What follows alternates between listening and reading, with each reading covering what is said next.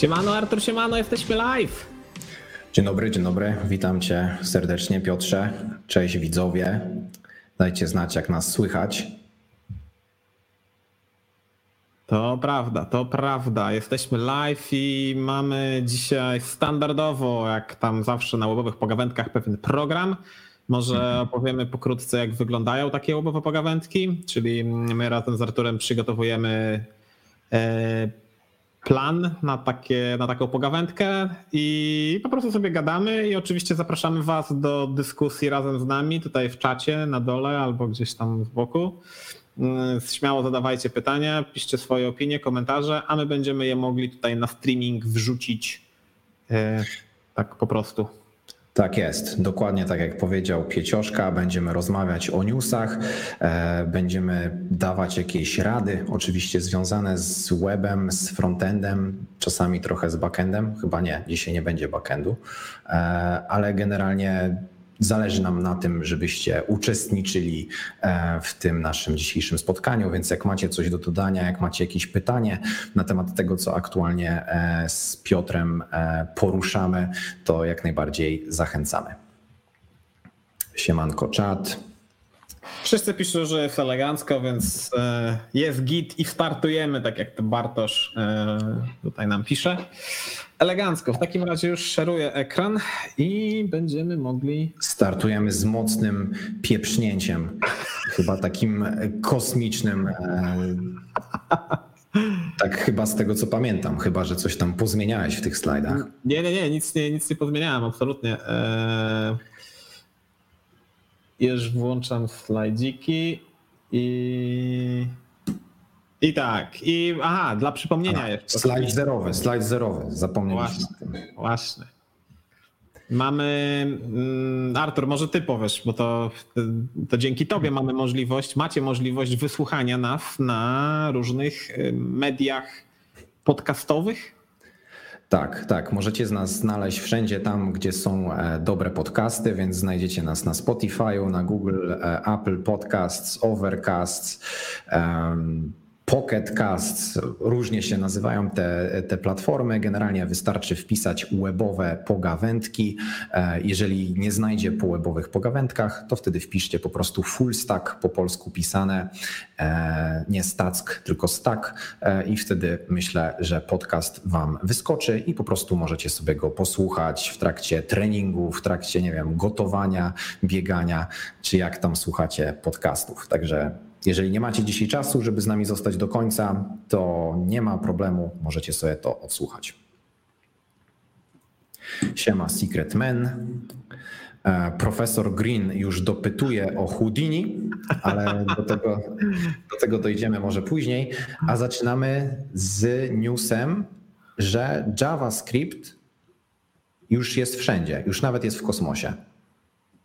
No to ktoś Ktoś tutaj ostro pojechał. E, tak, generalnie tutaj jest taki wpis e, na Stack Exchange. Myślę, że strona dosyć Wam znana.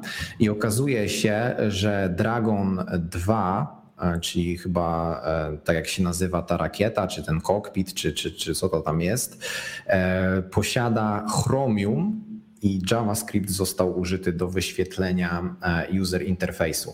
Jeszcze jakbyś mógł, Piotr, może oprócz tego newsa e, wpisać w ogóle Dragon 2, JavaScript w Google. E, może zobaczymy, jak wygląda w ogóle ten dashboard, bo tutaj ja dałem linka takiego suchego, a jednak jak zobaczymy to Dragon 2 może wpisz SpaceX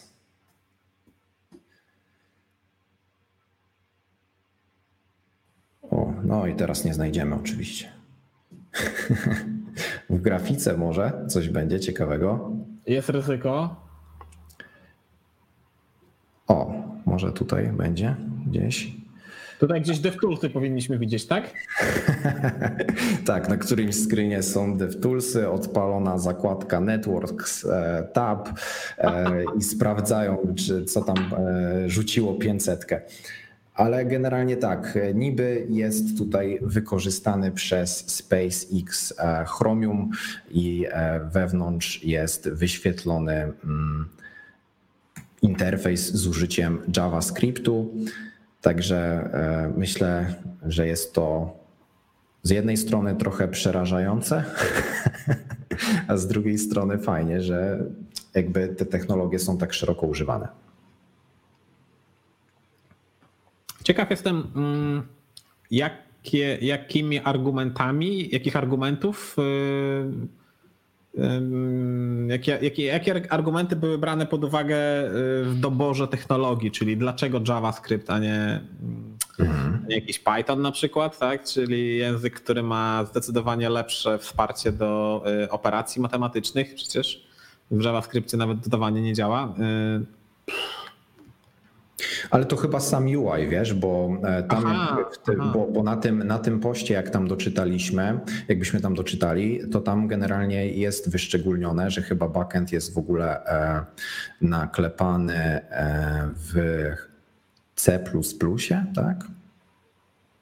Actual flight computer still run, tak. Tak, więc wydaje mi się, że, że no po prostu no JavaScript gdzieś tam został e, użyty do wyrenderowania po prostu e, tego user interfejsu. I jakby wydaje mi się, no, że to no, taka ciekawostka po prostu, prawda? No bo w czym innym mieli to zrobić tak naprawdę? No, e, no tak, no tak. No jeśli chodzi o UI, no to, to no są dwie możliwości, albo jest JavaScript, albo Java gdzie jest tam ten, wiesz, interfejs taki, e, no po prostu javowy, tak? Jest to, nie wiem jak ta biblioteka się nazywa.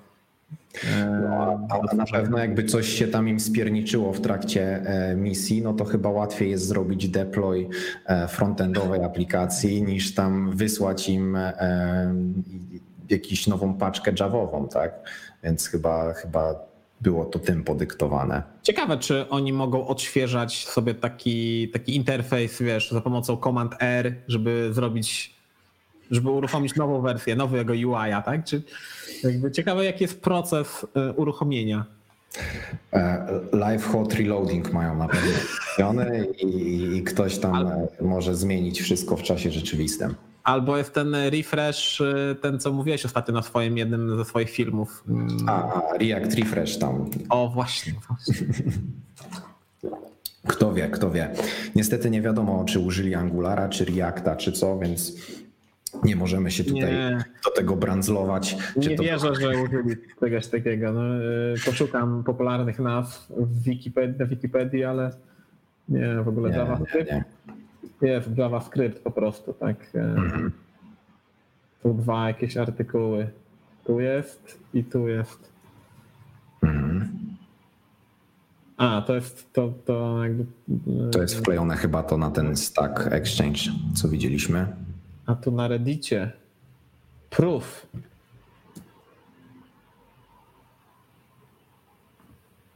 Aha. Myślałem, że proof, dowód, że, że jakby jest coś w JavaScriptie, ale. Aha, nie, nie, to chyba dowód, że ten chłop, co tutaj napisał te rzeczy, to że on tam faktycznie brał. No, no. Tu jest jeszcze coś. E, a, to jest po prostu link do całego, ale to jest software PHP, czyli co nie wyszczególnili? Mieli taką stronę, że żeby podejrzeć źródła już nagle nie mają? O, patrz, jest. Knockout, handlebars i less. No. Na nokaucie? No dobrze, ale zobacz, ten wpis jest 7 lat temu, tak? To chyba ten UI przepisali w międzyczasie. Knockout jeszcze wtedy, już wtedy był, 7 lat temu, to jest... Już się kończył wtedy chyba.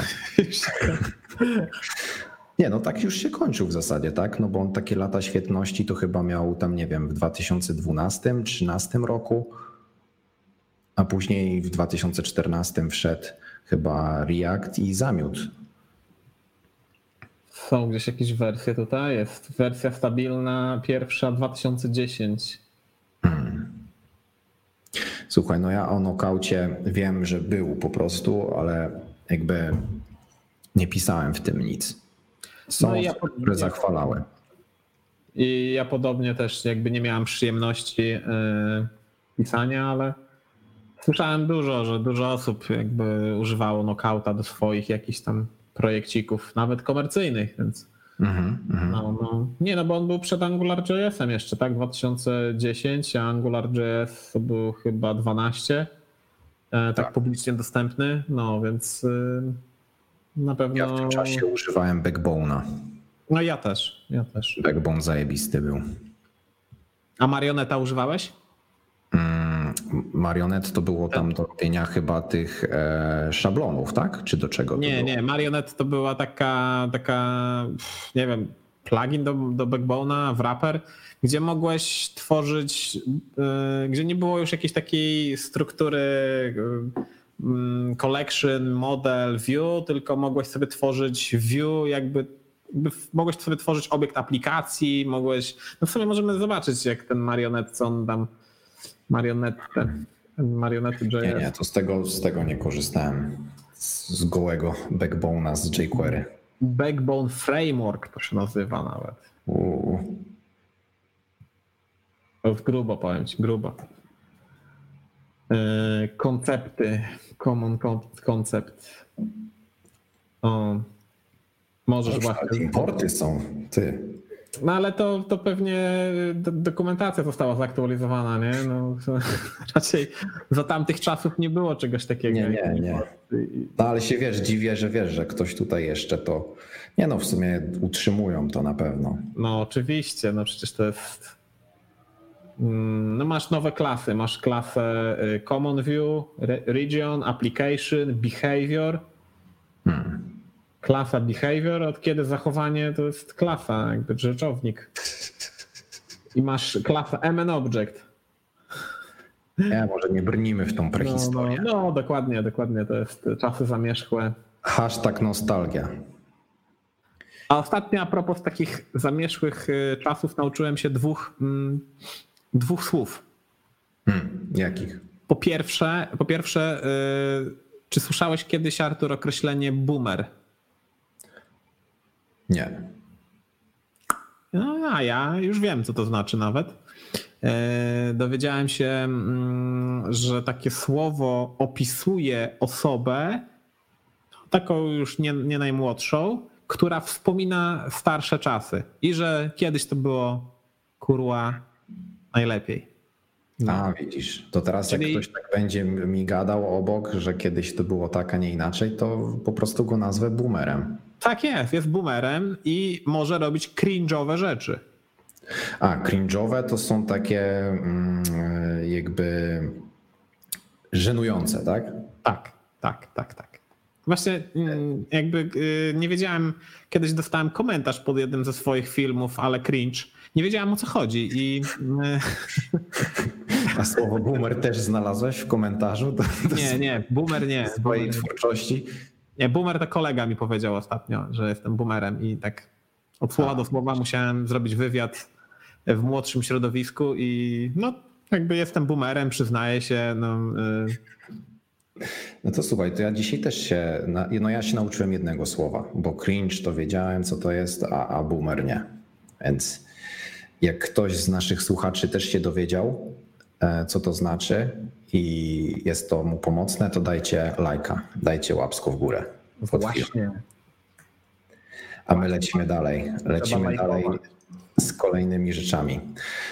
Co tutaj przygotowałeś, Piotrze, dla nas? Kolejna rzecz to chciałem wrzucić, podzielić się z wami taką informacją o nowej propozycji, jaka do języka wejdzie. Otóż e, prawdopodobnie, trudno powiedzieć kiedy i tak dalej, czy w ogóle. E, aktualnie jest to w Sage 1, czyli na takim początkowym etapie wdrażania feature'ów do języka.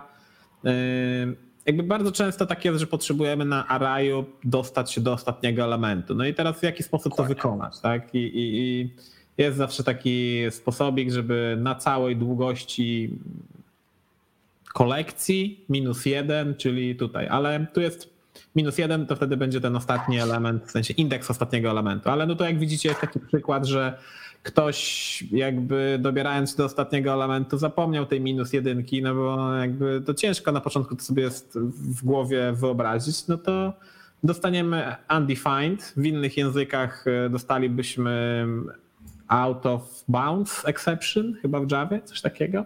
Mhm. E, więc zawsze taki magic number. Chcę, chcę byśmy dostali jakiś śmieć z pamięci. No, no. Chyba, żeby się nie skompilowało. Chociaż, no nie wiem, nie, skompilowało. Nie, pamiętam, że w którymś języku chyba w C było tak, że jak wyszedłeś poza zakres, to czasami to było nic, czasami to był jakiś śmieciuch po prostu z pamięci, nie? Mhm, mhm. Mm, no to w każdym razie taka minus jedynka tutaj musi się zawsze pojawić w kodzie i jakby nie wiadomo jak nazwać taką minus jedynkę, żeby to nie był jakiś magic number, yy, czyli no nie wiadomo co, co robi taka jedynka. Więc powstaje propozycja, aby stworzyć dwie funkcje. Pierwsza funkcja last item, czyli od razu zwróć mi wartość yy, takiego ostatniego elementu w tablicy. Mhm. No i też, i też druga last propozycja. Index E, tak, druga propozycja last index, czyli jaki jest ostatni indeks na arrayu, tak, żebyśmy nie robili array length minus jeden, tylko żebyśmy mhm. właśnie sobie mogli uh, użyć takiego, takiej metody na arrayu, która zwraca ostatni indeks. Myślę, że bardzo fajna, bardzo jakby taka e, pożyteczna rzecz, żeby wyeliminować jakieś takie niedoskonałości z tego naszego kodu. Tak, taki magic number uważam, że jest takim no właśnie dziwnym bardzo mi się podoba ta propozycja, bo powiem Ci szczerze, że ja w swoim życiu to mega wiele razy w JavaScriptie próbowałem napisać po prostu .last, bo w Rubim e, mega często tego używam. Też jest fajne to, że możesz sobie na przykład do lasta przekazać argument i na przykład możesz sobie przy przekazaniu argumentu zwracać na przykład ostatnie dwa elementy, tak? Czyli po prostu hmm. argument to jest ile chcesz elementów zwrócić i myślę, że nawet nawet chyba w, w, ciągu ostatnich paru tygodni miałem sytuację, że potrzebowałem ostatni element e, z tablicy, coś tam na nim sprawdzić i jak zwykle wpisałem po prostu last i się dziwiłem, e, czemu to nie działa, nie? Więc e, gdybym mógł jakoś oddać głos na to, na ten proposal, gdyby ktoś się mnie posłuchał, to bym bardzo chciał mieć już tą opcję. Tutaj trzeba kliknąć star jak hmm. będzie dużo starów, to znaczy, że społeczność e, wyraża zainteresowanie takim featurem, tak? Takim, hmm. okay. takim proposalem. A ty Mamy... jakby znowu ostarowałeś to wcześniej, zamiast ostarować to na. Myślałem, że nie e, zobaczysz. Nie, nie, nie. Ja już od razu jestem wyczulony. Jak coś odpalasz na GitHubie, to sprawdzam, czy jest ostarowane. Mamy komentarz od Michała. Hmm, czy const last item równa się array pop nie zwróci nam last item? Zwróci, ale również i usunie ten ostatni element. Mm, zmodyfikuje, no. Możemy zrobić e, taki proof of concept. E, szybciutki, szybciutki. Jakby to e, będzie tablica literek. O, nawet już taką mam.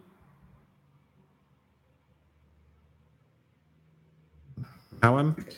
Yy, I pop. Mamy B, ale teraz tablica A jest o jeden element mniejsza, więc niestety mhm. pop jest jedną z takich trudnych funkcji, bo, bo, bo mutuje araya. I... Wiesz, jakiś haker mógłby powiedzieć, że może zrobić popa, a później od razu pusza i wszystko będzie dobrze.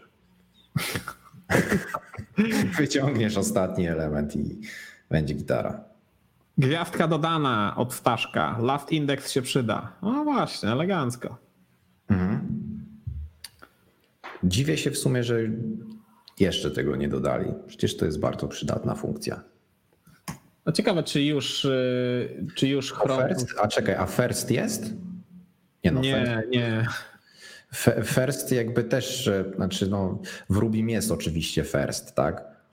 E, co też w zasadzie czasami jakby poprawia ci taką czytelność kodu, tak? Że po prostu masz jakąś kolekcję i zawsze chcesz coś zrobić na ferście i wtedy nie masz tam kwadratowych nawiasów zero, tylko po prostu czytasz to bardziej tak, nazwijmy to z angielskiego.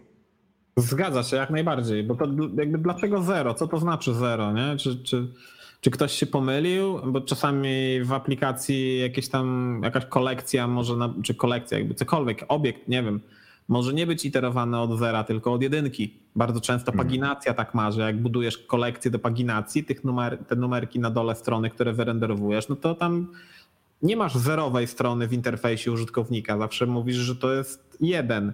Więc mhm. idzie się krok dalej i od razu kolekcja się zaczyna też od jedynki zamiast od zera i, tak dalej. Więc y, ten, ten, ten, y, ta praca na indeksach jest bardzo taka ryzykowna i kto nigdy nie zrobił błędu off by one, ten niech pierwszy rzuci kamieniem. Tak? Zawsze tak, że za dużo o jeden albo za mało o jeden. Tak, albo później robisz na przykład takie haki na UI, że e, chcesz wyświetlić coś w kolejności, to lecisz po indeksie i dodajesz jeden, żeby było, wiesz, e, żeby po prostu leciało od jedynki, nie? No i dlaczego jeden akurat? No, e, Autor na pewno wie, ale później jak się czyta taki kod, szczególnie jakiś, e, jakiś bardziej skomplikowany niż zwykły tam for each na, na jakby z, z, jednolinijkowym callbackiem, no to spoko, to jeszcze takie proste funkcje jeszcze ujdą, ale jak ma się skomplikowany ten callback i jest sporo logiki, no to nie wiadomo o co, nie wiadomo o co kaman. Wiesz, gdzieś ktoś pewnie na świecie powiedział, prawdziwy programista i prawdziwy informatyk zawsze liczy od zera. I tak zawsze było i tak zawsze będzie. Yy, no właśnie, ja kiedyś, ja kiedyś chyba szukałem, yy, dlaczego yy, why, why we start from zero. Array. Jest, jest to wytłumaczone, że układ kartezjański, tak, jest oś X i oś Y. No to hmm, tam się wszystko zaczyna, wszystko się zaczyna od zera właśnie i Mm, no i dlatego tak mi się wydaje, że to właśnie to był ten taki główny argument. To nie chcę mi się tego teraz wszystkiego tutaj czytać, ale. E, nie, ten, ten, ten argument myślę, że jest sensowny, tak? Po prostu jakby programowanie na początku bardzo dużo miało wspólnego z matematyką w zasadzie i pewnie mhm. stąd się to wzięło, nie? No dokładnie, dokładnie. A później już jak zorientowali się, że w takich, w takich językach wyższego poziomu jakby sprawia to jakieś problemy, no to już było za późno, żeby się po prostu cofnąć, bo wtedy już wiesz, byś miał tak, że w jednym języku masz od zera, w trzech masz od jeden, więc w sumie lepiej, że wszędzie masz od zera. A wyobrażasz sobie, żeby na przykład jakimś, w jakimś języku do wersji 3.0 zaczynało się od zera, iteracja, a od wersji 4 od jedynki. Czujesz jakie błędy po prostu? Nie, to byłby dramat. Myślę, że coś by mogło wybuchnąć. Ważne, że JavaScript jest w kosmosie, więc już nic nie wybuchnie nigdy. Dokładnie. Lećmy dalej. Edytor audio. Wow. E, tak, wrzuciłem tutaj taki projekcik bardziej jako taką ciekawostkę, że web po prostu umożliwia robienie. O! Już wiem, co tu chcesz zrobić. Nie kliknąłem, nie kliknąłem. Jeszcze, jeszcze, nie, dobra, jeszcze nie klikaj. E, generalnie y, polecam sobie sprawdzić. Oczywiście nie, że nie zachęcam, żeby, nie wiem, ktoś używał tego zamiast swojego softu do obróbki e, audio, ale generalnie lubię wrzucać takie projekty i sobie czytać kod takich projektów, prawda? Bo to jest zawsze dla mnie w pewien sposób fascynujące, że ktoś po prostu usiadł i zrobił sobie edytor audio, który tak naprawdę jest funkcjonalny w zasadzie, tak? Bo tu możesz sporo w nim zrobić. Działa on e, fajnie w przeglądarce, możesz nagrywać sobie dźwięk, możesz wrzucać jakieś e, pliki, ciąć je, e, przyspieszać, dodawać jakieś efekty, więc zawsze podziwiam ludzi, którzy pracują nad czymś takim. Nice, to jest takie Audacity, Audacity. Y, Audacity webowe, no dokładnie. Wow, ile opcji, kompresor. No, Nie, no to zaraz jak zaszmąci, to... Słyszysz to? Słyszę w tle z twojego mikrofonu A. jakąś wioloncellę, tak? No, no, coś takiego, coś takiego. Nie, no fajnie, fajnie. No, ja zawsze jakby też podziwiam osoby, które tworzą takie open source'owe, bo domyślam się, że to jest open source'owy. Tak, tak, oczywiście. No i, bardzo fajnie i wspieram takie osoby zawsze też samemu często coś takiego podobnego, jakiegoś, no może nie edytor audio, ale jakiś tam podobny, w sensie open source'owy softik napiszę i, i dzielę się ze społecznością, jakby nie oczekując niczego w zamian. Nie?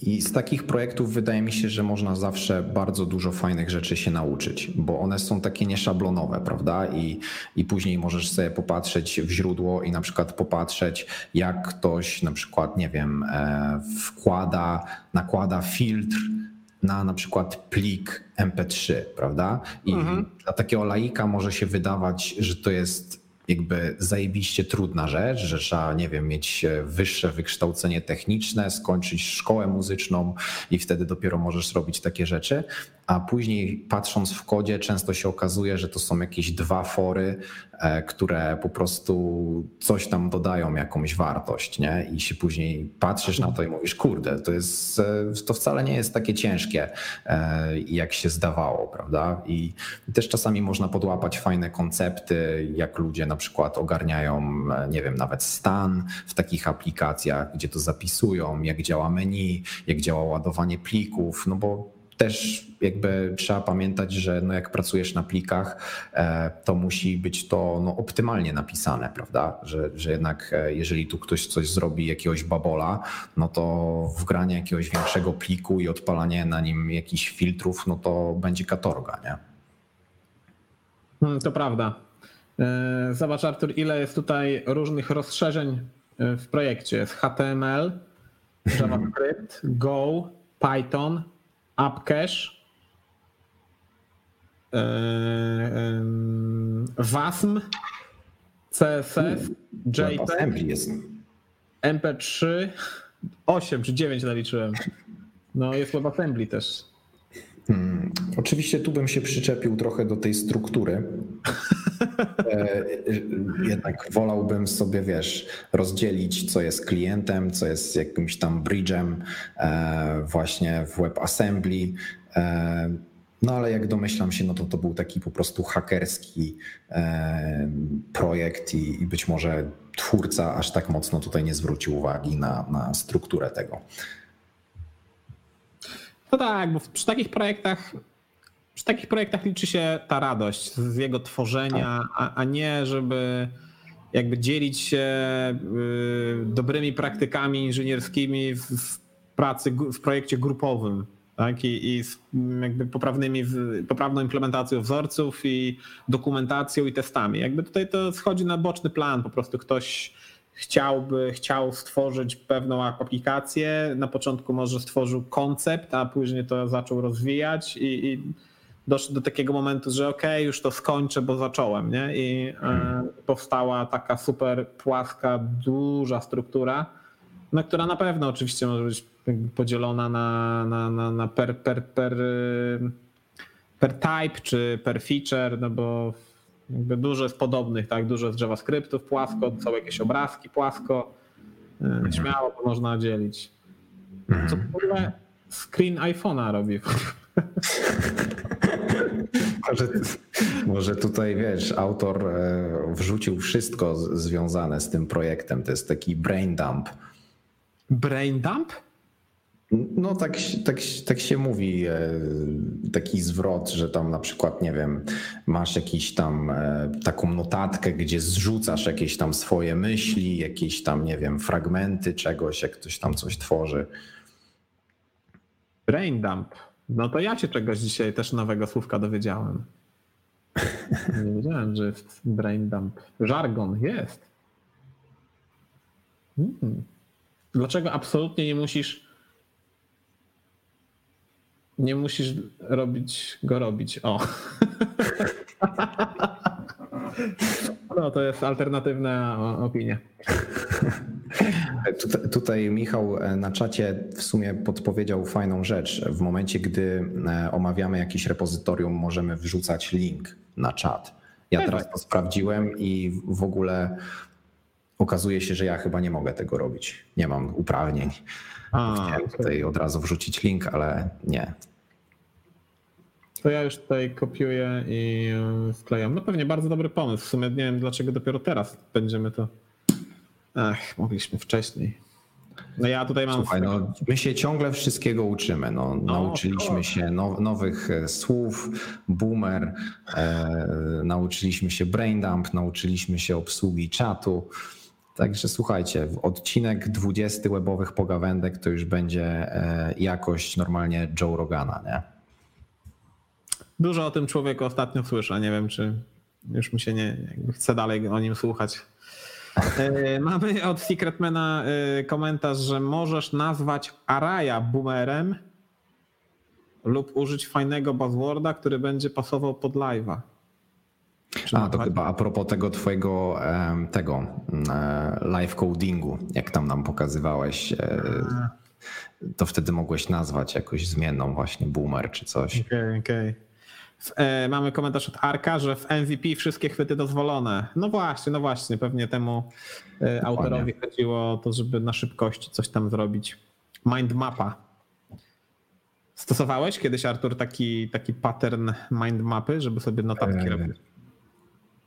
Chyba tak. Raz, raz pamiętam, że, że miałem jakąś taką mindmapę, ale to pamiętam, że to było przy okazji Mm, projektu takiego nowego, który zaczynałem i wtedy starałem się zrozumieć go z całym zespołem i właśnie pamiętam, że użyliśmy mindmapy, ale ja tak na co dzień jakby z tego nie korzystam. Akurat ja mi w zupełności wystarczają te notatki e, iPhone'owe, synchro, że to co wpiszę, wiesz, na, na kompie od razu mam na telefonie i tam sobie jakieś bulety robię i w zupełności to e, wystarcza. Hmm. Ja mam podobnie też mindmap nie używam. Co to za przyjemność, jak gubisz się sam we własnym kodzie? No to różnie bywa, wiesz, akurat niektórzy wiem, że mają takie podejście, że wolą e, mieć właśnie taką płaską strukturę i później jak widzą, jak ten projekt ewoluuje, to wtedy się biorą za strukturę, prawda? Bo wiesz już, e, co, co, co tak masz tak naprawdę do podzielenia, prawda? spotkałem się z takim e, podejściem. E, od Secretmana mamy komentarz, że brain dump na karteczki to fajny pomysł, e, żeby wyczyścić sobie głowę z natłoku myśli. Mhm. Gdzie spisuje się swoje karteczki uściślając. No, no. No, no ciekawy pomysł. No czasami też tak jest, że jak coś napiszesz na kartce, to po chwili do ciebie dochodzi, że to nie ma sensu. Hmm. ja tak czasami mam, że dopóki o czymś myślę, to wydaje mi się to świetny pomysł, a jak gdzieś to zapiszę albo spróbuję, nie wiem, powiedzieć to na głos, to nagle się okazuje, że to jest jakiś e, poroniony pomysł. No, no, dokładnie. Zobacz na, na ten kawałek JavaScriptu, jaki tutaj w, w projekcie AudioMath się pojawił jest piękna konsekwencja zachowanych cięć tutaj. E, e, jakby pierwsze wcięcie jest jedno, a później kolejne wcięcie są już po dwa, później jak znowu. Mm, tak. I, i te Ale wcięcia są takie. To są tabulacje. Jeszcze bym dowalił jeszcze, jeszcze szerzej. Jeszcze, jeszcze za dużo jest miejsca. Za, za mało miejsca z lewej, nie? Bo się zlewa ten kod, nie? Jakby nieczytelny jest. I... Tak. Akurat nie chodziło mi o ten fragment kodu, jak tutaj zachwalałem ten projekt. Bardziej mi chodziło o jakby podejście do, do przeliczania tych filtrów i tak dalej. Ale no faktycznie, tutaj widać, że ten autor to jest jakiś taki szalony mistrz. Po prostu usiadł i to naklepał. Mnie ciekawi, dlaczego taki set timeout tutaj jest na samej górze pliku, i później jest cała definicja i później na samym dole jest jakieś 320. Jakby nie widzisz, do czego dotyczy to teraz to 320, tak? No, hmm. no magic number. Magic, magic to jest wszystko. No tutaj operacje bitowe, przesunięcia, local storage. Czy istnieje local storage? Kurczę, to jest no nie wiem, gdzie ten kod chyba się na, y, na, na, jakimś statku kosmicznym y, chce autor go uruchomić, gdzie tam nie ma local storage, czy chociaż chyba, że o, o IE chodzi, no bo tam to wszystko możliwe w sumie. Oczywiście przepraszam wszystkich fanów tej przeglądarki, ale no, takie ja mam przynajmniej złe doświadczenie. Artur, ty chyba podobnie, co? E, wie, wie, jakie masz doświadczenia? O Boże, no, raz, kiedyś, raz, raz kiedyś miałem klienta, e, korporacyjnego i tam ludzie używali IE. Jeszcze to było, nie wiem, z 2-3 lata temu. I się musieliśmy tam z tym brandzlować. Ale teraz całe szczęście, no to już e, dawno, dawno po prostu nie miałem takich problemów. No i całe szczęście. Mamy trochę komentarzy. E, jeden od Michała. Ciekawą aplikacją do robienia notatek jest Simple Note. Pozwala na synchronizację pomiędzy urządzeniami za darmo i bez niepotrzebnych rzeczy. Nie znam aplikacji, ale no ta iPhone'owa, oczywiście jeżeli ktoś ma iPhone'a i Maca, to działa zajebiście. No po prostu się to, to działa, tak, ale nie wiem, może jak kiedyś będę potrzebował, to zerknę. To jest tylko narzędzie, jakby to jest ważne, żeby używać tego narzędzia. Ja to już wiele różnych narzędzi do notatek przetestowałem, czy kupowałem specjalnie takie aplikacje, które miały problemy z highlightowaniem. Znaczy bardzo dużo różnych problemów. I to nie ma znaczenia, jakiej aplikacji używasz. Ważne, żebyś używał w ogóle notatek, jeśli ktoś chce używać takich notatek. Nie?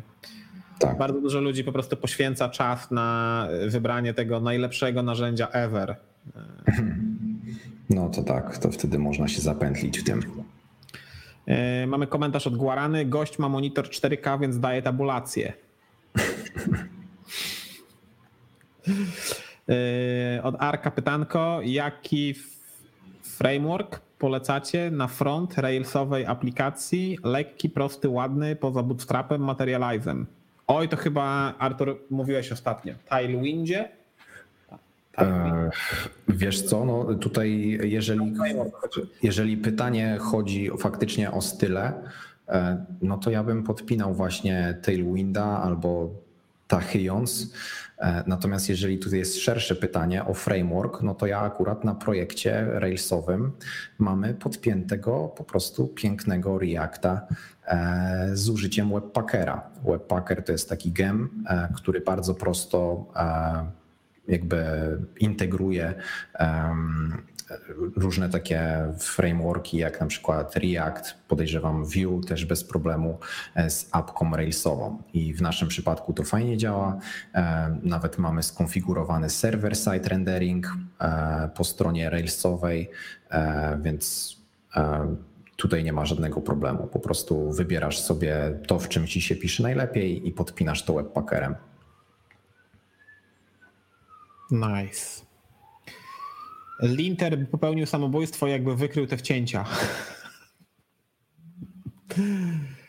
E, ja wszystkie pomysły zapisuję w Notion. Zawsze jak je czytam, to się zastanawiam, co mną kierowało, że wpadłem na coś tak beznadziejnego, a czasami jest na odwrót. Komentarz od Bartka. Ja uwielbiam to uczucie, kiedy czytam coś, co napisałem i jestem dumny, że to napisałem. Po prostu po jakimś czasie patrząc na to, ale też oczywiście zdarza się tak, jak tutaj Bartek powiedział, że czasami po prostu nie wiesz, kto to pisał, a to byłeś ty. E, może warto kodować wszystko. Są tacy, co na to-do listach rozwijanych w domu zarabiają na chleb, na przykład Nozbi.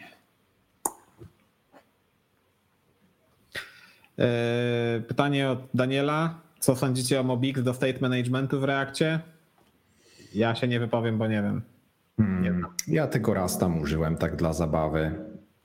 No, działało to całkiem nieźle, ale tak w jakimś większym projekcie tego nie sprawdziłem, więc nie wiem, nie, nie dobrnąłem tam e, do zarządzania jakąś takiej, nie wiem, e, większą logiką biznesową, z synchronizowaniem jakichś e, zapytań asynchronicznych. E, nie robiłem tego w Mobixie, więc e, ciężko mi powiedzieć, jak to działa. A propos Twoich klientów korporacyjnych, Artur, tutaj pojawił się komentarz od Secretmana, że klienci korporacyjni chyba jeszcze dalej siedzą na Windowsie 7 i IE 11. Boże miej w opiece deweloperów, którzy będą ich obsługiwać. Tak, tak, tak. Myślę, że jest na pewno sporo jeszcze takich projekcików. No dobrze, możemy jechać dalej. Kolejny temat y, na naszych slajdach to jest Vim Polyglot. Kto używa Vima w dzisiejszych czasach? Dajcie znać y, w komentarzach, nasi drodzy widzowie. Artur, jaka jest Twoja przygoda z Vimem? Czuję, że kiedyś taką miałeś. E, przygodę z Vimem e, mam taką, że e, po prostu kiedyś, tak jak pewnie każdy, nie mogłem z niego wyjść i bardzo mnie to zirytowało. I się tam nauczyłem po prostu paru komend, żeby jakby umieć z niego korzystać, ale jakby nigdy nie korzystałem z niego na co dzień w pracy. Jeden kolega bardzo starał się mnie do tego namówić, e, nawet coś mi tam pokazywał, wysyłał mi jakieś tam artykuły, ale w międzyczasie, jak e, on mnie zachęcał do tego Wima, e, to się pojawił wtedy Atom i się przesiadłem na Atoma i bardzo dobrze mi się pisało na Atomie, a później z Atoma na VS Code'a i jakoś nie wiem, nie miałem potrzeby po prostu szukać czegoś innego, bo, bo to dla mnie działało. A ty jesteś wimowcem mm. albo byłeś? No ciężko być wimowcem, kiedy dalej nie potrafię z niego wyjść. Już tyle lat, jak włączyłem Wima 2014 15 to dalej jakby ciągle mam y, otwarty ten program i jakby, no nie wiem, nie wyłączam komputera od tamtego momentu i to tak to właśnie y, y, u mnie działa. No taka przygoda to jest. No. Albo zamieniłeś go na nano. No z Vima kiedyś korzystałem, nie wiem, pół roku, coś takiego bardzo dużo pluginów sobie poinstalowałem, zaczęło to wszystko przymulać, odinstalowałem te pluginy i, i przyszedł, i przyszedł wtedy WebStorm, później Visual Studio Code i tak świat się mhm. zmienił. A tutaj y, slajdzik, nie slajdzik, tylko y, link, który wam też wysłaliśmy na y, socialach, to jest link do repozytorium takiego, które przechowuje pluginy do nie wiem czy wszystkich, może ciężko to tak generalizować, ale do bardzo dużej ilości języków, czyli mm, chodzi o highlightowanie składni, tak? No bo zwykle w Vimie to highlightowania, no highlightowania nie ma, e, szczególnie w takich nowych rozszerzeń, nie wiem, TS czy TSX, e, no to, to, to, to na pewno Vim tego nie pokoloruje. Yy, no Tam domyślnie to chyba tylko wyrażenia regularne są do, do wyszukiwania, a resztę musisz doinstalować. Yy, bardzo możliwe, yy, bardzo możliwe. Nie, żartuję. Oczywiście nie byłem nigdy specjalistą, ale z tego co pamiętam, no to to było takie narzędzie, że tam jak za bardzo nie skonfigurowałeś go pod siebie, no to za wiele się tam ciekawych rzeczy nie dało zrobić.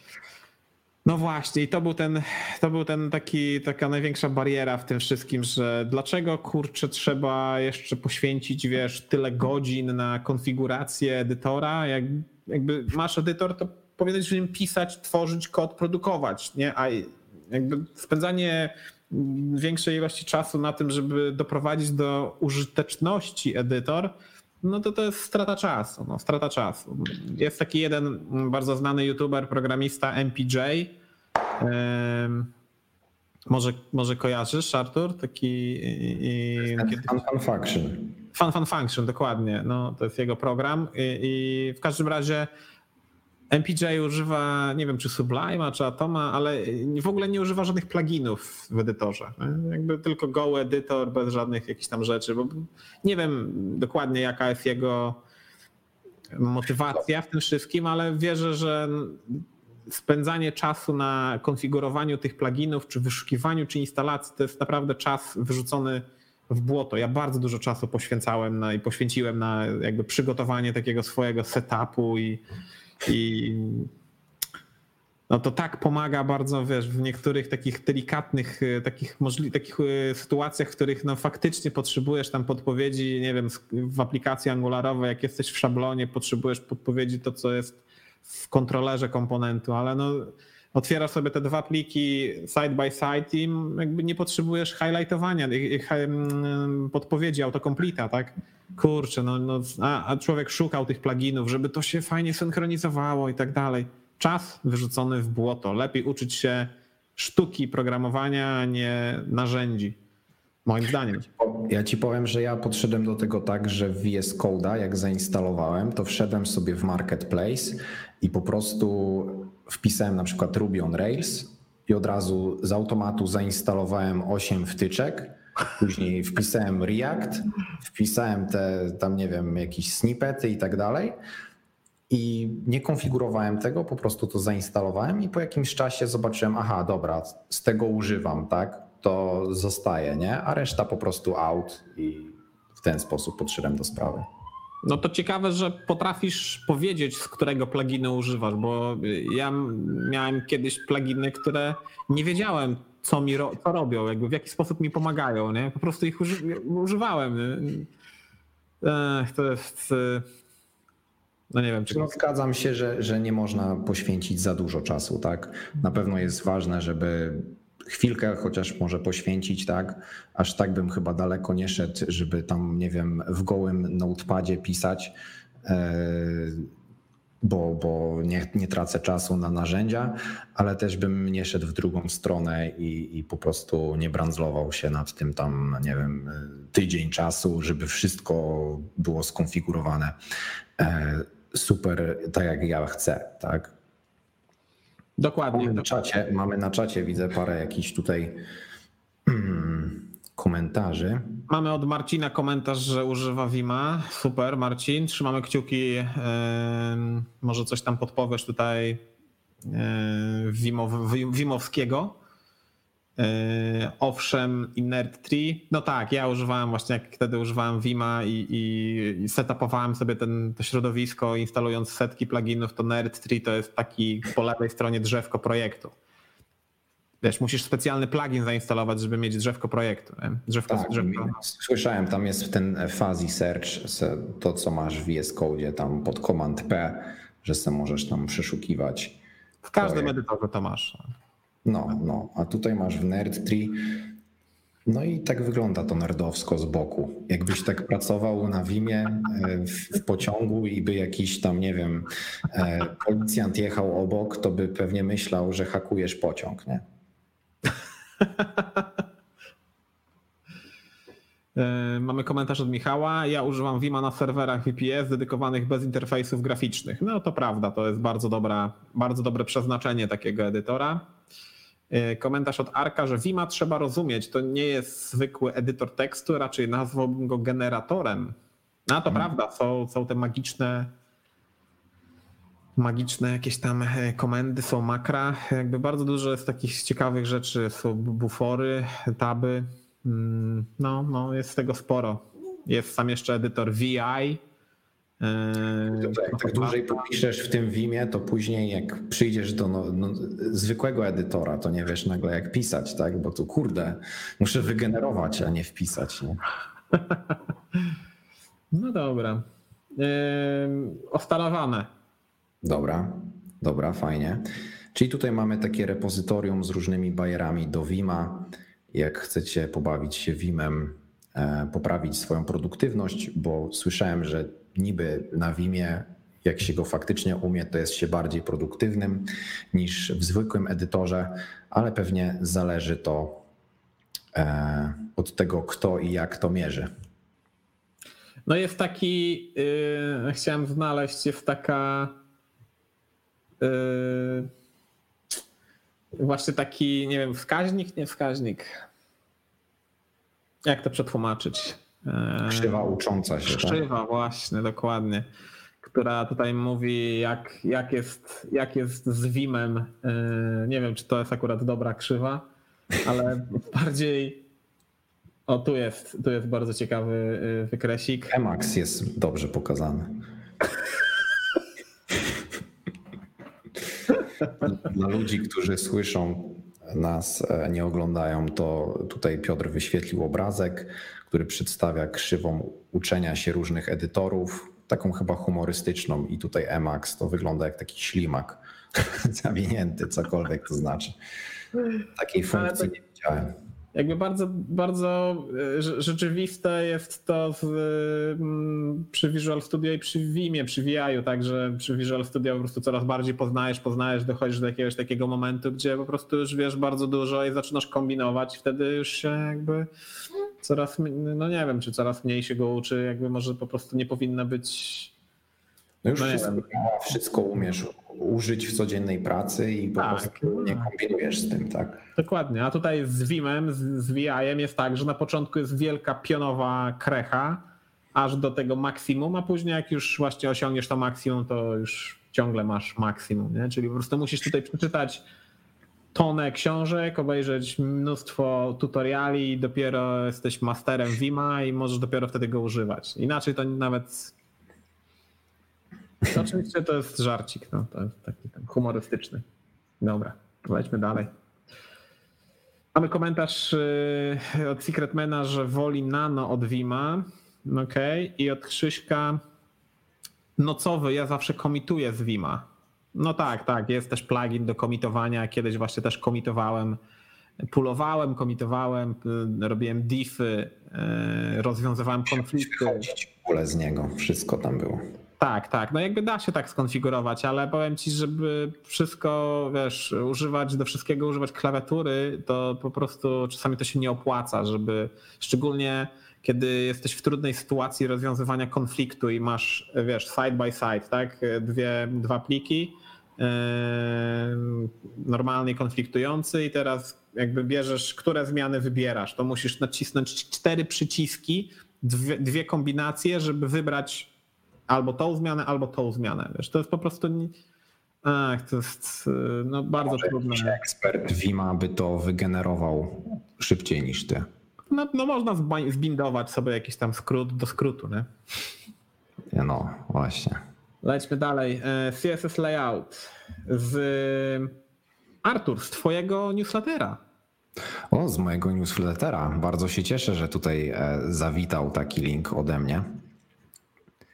Spodobał ci się, rozumiem. Bardzo, bardzo mi się spodobała. Tak, oczywiście subskrybuję Twojego newslettera i tutaj zapraszam wszystkich do subskrypcji Arturowego newslettera. Artur zawsze co tydzień w, w środy rano wysyła maila z trzema super interesującymi ciekawostkami.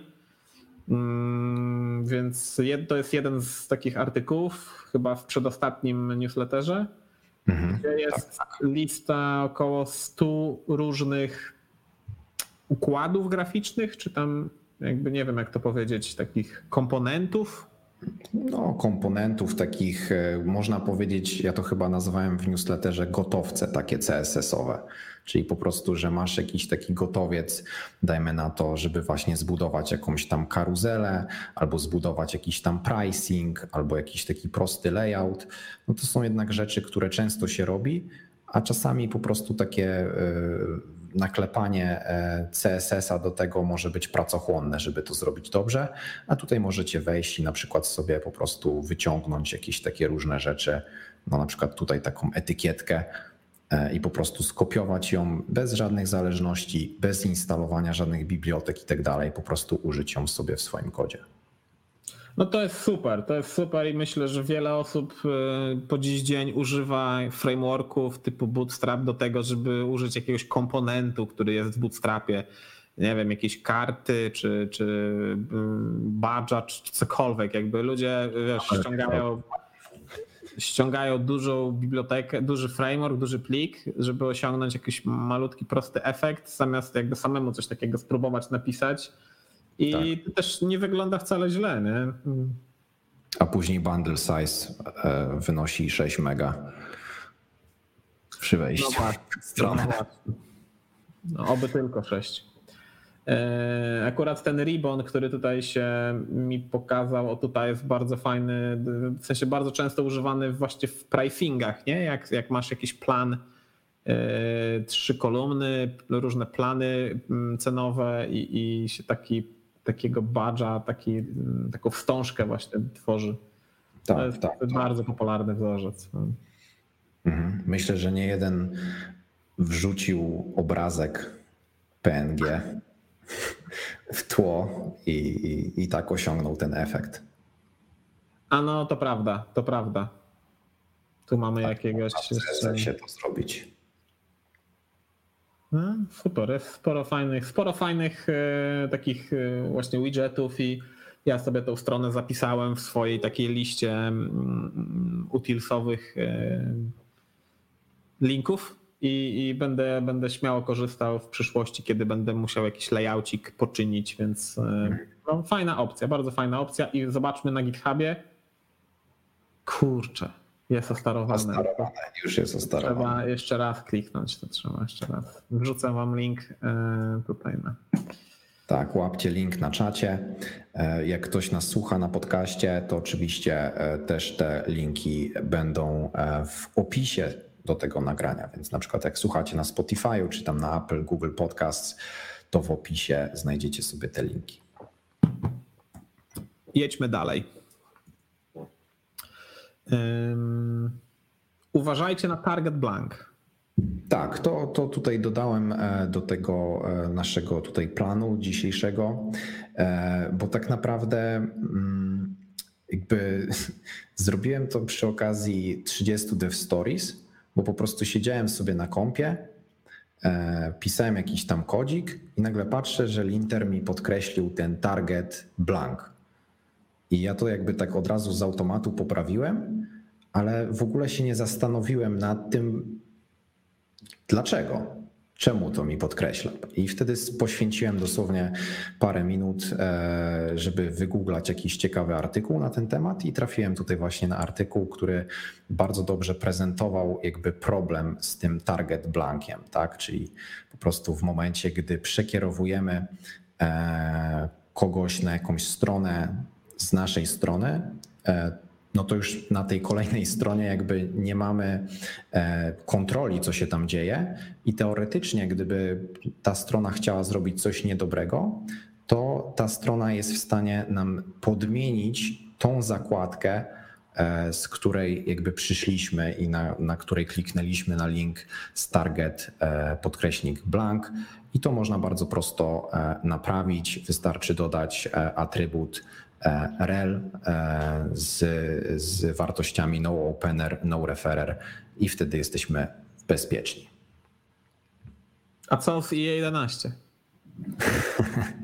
Dodajemy no referer i wtedy też zadziała. Okej, okay, okej. Okay. Mm, ja troszeczkę przeglądałem e, ten link i wrzuciłem swój, który kieruje do. A to w sumie ten pierwszy link wrzucimy na czat. Eee, tak. Ten, ten atak, o którym tutaj mówimy, który nazywa się tapnabbing, e, poruszałem w jednym ze swoich szkoleń e, kilka miesięcy temu i możemy e, zobaczyć przykładowo, przykładowe wykorzystanie, już tutaj bez odpalania e, tej aplikacji, ale e, jest taka strona, na przykład taka, czyli mamy, mamy link, jakby wyobraźcie sobie, jak taka aplikacja wygląda, tak? Czyli mamy nagłówek, mamy link, no i ten link kieruje do jakiejś strony do jakiejś strony po prostu.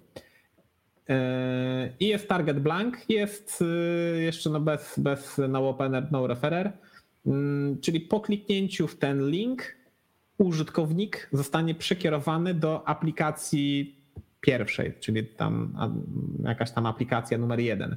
No i ta tak. aplikacja numer jeden ma, ma jakby sprawdzenie, czy, czy istnieje taki obiekt jak window opener, i później, jeśli istnieje, to możemy przekierować e, z użyciem e, modułu location na aplikację numer dwa. Czyli jak wchodzimy na aplikację numer, na jakąś aplikację, to wtedy e, ten i nawigujemy użytkownika na inną, to ta, ta nowa strona będzie miała taki obiekt jak window opener. Nie? I dzięki, te, dzięki czemu właśnie uzyskamy dostęp do strony, z której przyszliśmy i wtedy takiego użytkownika przekierowujemy na aplikację, która albo wygląda na przykład podobnie, albo jest na przykład ekranem zmiany hasła do Facebooka, albo coś tam, gdzie wtedy już podatny jest taki użytkownik na inne ataki, mm, coś w stylu phishingu czy, czy, czy jakichś tam innych. Tak, możemy nawet wykryć, że jeżeli gościu przyszedł z Facebooka, to podmieńmy mu na przykład e, stronę Facebooka. Jeżeli przyszedł z Twittera, to podmienimy mu to i na przykład wyświetlimy, tak jak Piotr powiedział, jakiegoś modala typu: O, nie zmieniałeś hasła od 14 dni, żeby coś tam, nie wiem, e, móc korzystać z aplikacji, to zmień natychmiast. E, zmień natychmiast e, sobie hasło. Krzysztof pyta, czy to działa dla innych domen. No oczywiście, właśnie tu jest cały szkopuł w tym wszystkim, że jeżeli nie damy tego rel, no referer, no opener, to jakby nie ma znaczenia, czy to jest ta sama domena, czy, czy, czy nie. Po prostu możesz podmienić komuś tą e, stronę w tej drugiej, w tym drugim tabie na cokolwiek. To prawda, to prawda. Ja tutaj jeszcze wrzuciłem taki przykład, mm, jak, e, jak na przykład otwieramy nowe okno w JavaScriptie, czyli z użyciem window open, no to też możemy otworzyć takie, takie okno z, z użyciem tego e, target blank, czyli tutaj jako drugi argumencik wrzucamy po prostu podkreślenie blank. I zabezpieczając się mm, przed tym tab na Bingiem, możemy właśnie też wrzucić dwa, no, jeden taki długi string, nie wiem jak to nazwać, string z atrybutami. E, no opener, no referer, ustawione na jeden, oddzielone te atrybuty od siebie przecinkiem. To jest trzeci argument funkcji window open. Także jeśli używacie funkcji window open, no to też to jest takie. Yy, no też ten atak można przeprowadzić, więc yy, nieważne już, czy jest to link, czy to jest window open, zawsze no opener, no referer. Tak, i każdy linter wam to podkreśli, więc najprostszym rozwiązaniem tego problemu jest mieć lintery zawsze odpalone i one po prostu będą czuwać nad waszym bezpieczeństwem. Mamy pytanie od Dominika, czy zawsze tego używać no opener, no referer? No według mnie nie, no bo jeśli jest nawigacja lokalna, to nie potrzebujemy takich. Mm, czyli jeśli jesteś na stronie domowej i robisz przekierowanie do podstrony, no to już jest dyskusyjna sprawa. Też można pójść dalej i niektórzy nawet mówią, że w ogóle nie powinieneś korzystać z target blank że to użytkownik powinien decydować, że chce coś otworzyć w nowym oknie, a nie ty za niego. Więc to prawda. To jakby tutaj jest różne podejście. E, nie wiem, może nawet lintery działają tak, że w momencie, gdy masz target blank, e, jakby w obrębie w sumie. Czyli jak zaczyna się link od slasha. Nie? Tak, jak zaczyna się od slasha, to na przykład e, wtedy tego nie wyłapuje, prawda? Ciężko mi powiedzieć, może linter aż tak mądrze działa. Natomiast e, myślę, że najprościej mieć linter i linter zawsze ci podpowie, jak robisz coś złego i po prostu to zmienisz.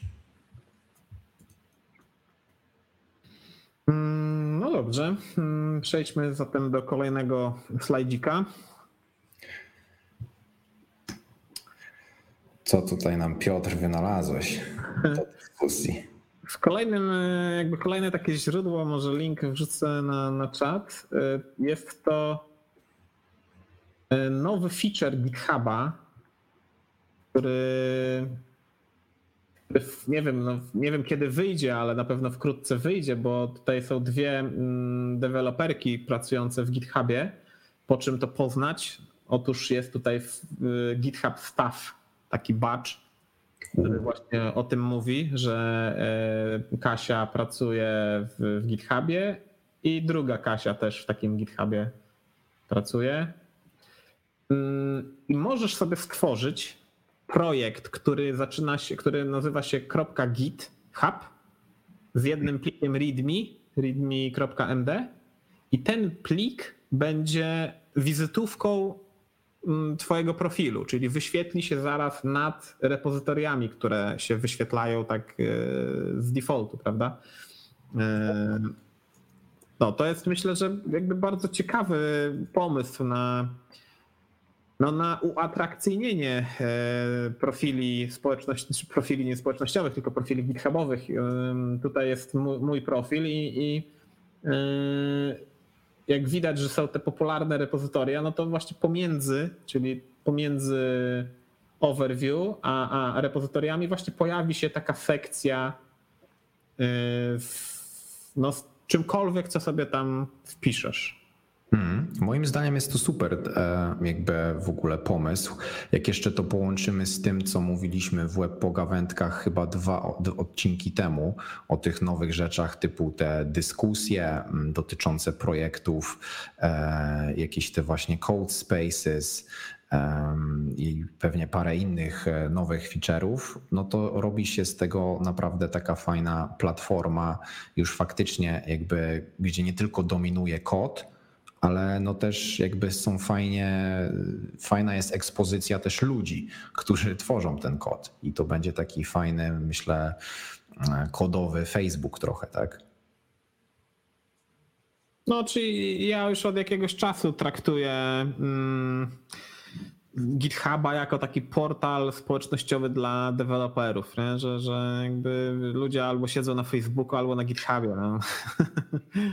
Czyli na Facebooku sobie tam można coś, jakąś radosną twórczość uprawiać, albo można jakby jeszcze lepszą twórczość uprawiać na GitHubie, tworząc open source'a. Hmm.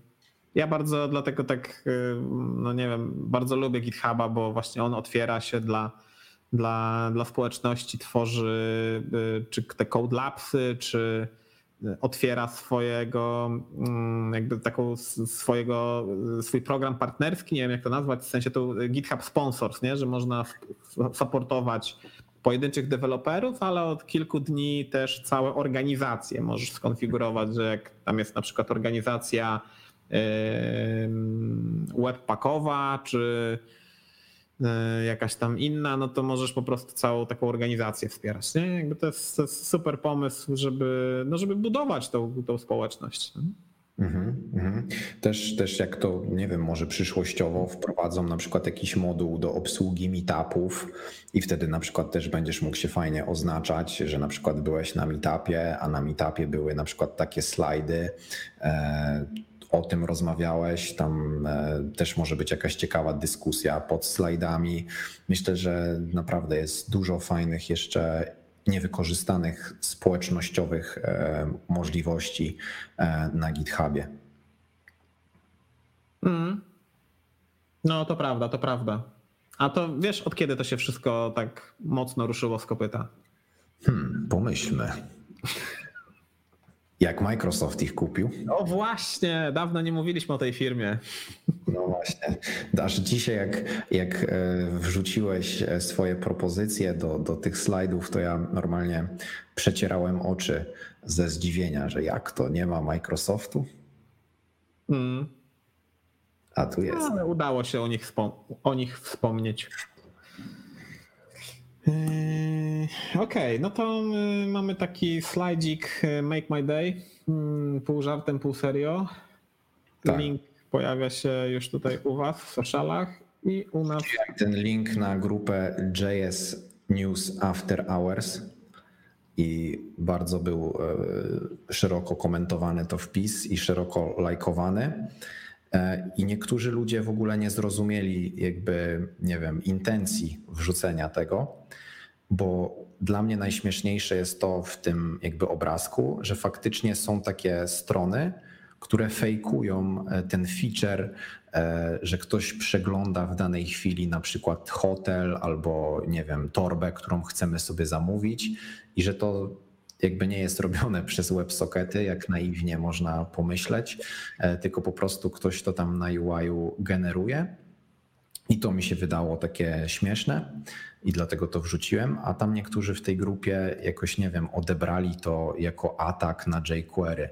Tak jakbym, nie wiem, e, szydził z ludzi, którzy używają jQuery. Trochę tego nie zrozumiałem. Ja od kiedy zauważyłem taki feature, chyba pierwszy raz na Bookingu, Mhm. Że e, już tam tyle osób, jakby tyle osób widziało tą ofertę, czy tyle osób już jest no, w trakcie oglądania. Tak, jakby myślę sobie, kurczę, to jest świetny feature, ale żeby go wykonać, to naprawdę to jest konkretna infrastruktura, żeby to było ciągle takie real-time'owe i no... Yy Ciekaw jestem. Jestem ciekaw, czy, czy faktycznie Booking e, wyświetla prawdziwe dane, a nie tylko takie, które mają cię bardziej przekonać do tego, do podjęcia decyzji. Nie? Booking, co ciekawe, został w ogóle, bo to też przy okazji tego wpisu ktoś to tam poruszył. E, generalnie Booking został za to ukarany na Węgrzech. E, dostali jakąś tam wielomilionową karę e, znaczy wielo, no tam ileś tam dostali po prostu kary, nie wiem czy ją zapłacili czy nie, ale e, właśnie zastosowanie takich nieuczciwych, nazwijmy to e, praktyk, które mają jakby wymusić na użytkowniku natychmiastową decyzję. No zgadzam się, to jakby to nie jest fair, że jakby nie, no może my jako programiści możemy jakby się zastanawiać nad y, realizacją takiego feature'a i myśleć sobie, że jednak to jest niewykonalne, albo może tak jak tutaj ktoś zrobił y, inspekcję kodu, zrobił inspekcję kodu i znalazł, że to jest fake, tak? Ale są ludzie, którzy korzystają z, z internetu tak jak z, jakby z bardzo takiego mm, prawdziwego źródła danych, prawdomównego, że, że wszystko to, co w internecie, to prawda, tak? Są ludzie starsi, są ludzie młodsi i, i jak coś jest napisane w internecie, to to przecież prawda, więc y, mhm. No taka, taka prezentacja y, informacji i jeszcze tutaj z jakąś sztuczną inteligencją, set interwałem i map randomem, no pozwala naprawdę y, jakby skłonić ludzi do, do, do, do, podjęcia decyzji szybciej, tak? No bo wow, tyle ludzi już ogląda, no to to znaczy, że to jest dobry produkt, trzeba go kupować. Nie? Ale zobacz, jaki tutaj jest kunszt programisty, który się zabezpieczył, żeby nigdy nie było zera dodał. Zawsze od trzech. No. Tak, więc minimum trzy osoby patrzą. Nigdy nie ma sytuacji, że jedna albo zero osób patrzy. Także tutaj trzeba docenić e, autora, który użył słowa persons, które jakby chyba nie jest do końca prawidłowe, e, jeżeli chodzi o angielski. Ale interesuje mnie inna rzecz, bo mówisz, znaczy, to jest jakby zgodzimy się, że to jest nieuczciwe prawda? A teraz jak podejść do sprawy na przykład Instagrama albo aplikacji typu TikTok, które są projektowane w taki sposób, żeby uzależniać swoich użytkowników od tych aplikacji. Czy to jest fair, czy to jest nie fair? Znaczy z tego, co y, gdzieś kiedyś słyszałem, to na Instagramie nawet te, te lajki, które są tak mocno, o, o te lajki ludzie tak najbardziej zabiegają na Instagramie, że Instagram chciał je czy może już to zrobił w jakichś tam niektórych krajach, schować po prostu, że, że nie będą widoczne e, te serduszka czy coś tam, żeby e, właśnie ludzie nie myśleli przez pryzmat tego, że jak masz dużo lajków, to znaczy, że to jest e, fajne i, i trzeba w to klikać, że, że jakby naśladować wzorce, tak? No bo to jest. To też jest pewnego rodzaju takie, może nie, nie oszukaństwo, ale no jakby ludzie czy tam myślą o, o produktach, o, o, ludziach innych w taki sposób, że jeśli on ma dużo lajków, to on jest wartościowy, to on mówi prawdę, to jego trzeba słuchać i tak dalej. Tak jakby to jest wszystko kwestia liczb, tak? Że, że nagle liczba jest w stanie tak zmienić twoje, twoje patrzenie na świat. Jakby już wtedy rozum zostawiasz daleko w tyle i, liczby, i liczy się liczba serduszek. Przecież na tym TikToku jak tam widziałem jakieś filmiki takie, które są nagrywane, one mają po setki tysięcy, czasami milionów wyświetleń i podobną ilość tych lajków, tak? I, I ludzie od razu porównują, że jak to jest, że ja na TikToku mam nie wiem, 50 tysięcy lajków, a nic z tego nie zarabiam, tak? Od razu się przekłada to na finanse, że, że jakby to jest bardzo takie płytkie i, i jakby no, oczywiście według auto, dla autorów, y, dla właścicieli tej aplikacji to jest super dobre, żeby popularyzować tą aplikację, no bo przez te wskaźniki, jakimi są lajki, serduszka, whatever, no aplikacje są... Mają, ma frandoma plus 10k. Trudno powiedzieć, trudno powiedzieć. Dopóki ktoś nie zbada elementu na Instagramie czy na TikToku, no to nie można być pewnym, tak, ale znaczy wiesz co, mi się wydaje akurat, że te ukrycie lajków to jakby po prostu Instagram tego ukry, to ukrył e, nie dla naszego dobra, e, żeby było wszystkim lepiej i przyjemniej, tylko wydaje mi się, że liczba lajków została ukryta po to, żeby właśnie ukrócić e, procedery kupowania lajków.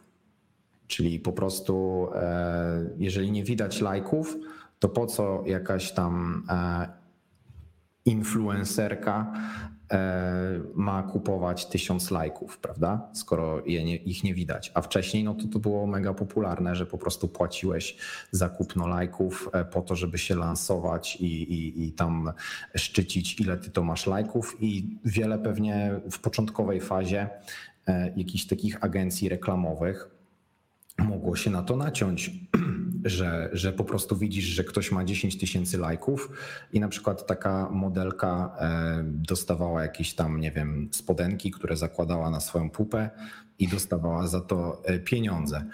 A, a, a, później na przykład e, patrzyłeś po sprzedaży, że jakby nikt tego nie kupił, tak? No bo przecież te 10 tysięcy lajków to byli jacyś panowie z Azji którzy tam dostali pieniądze za to, żeby kliknąć.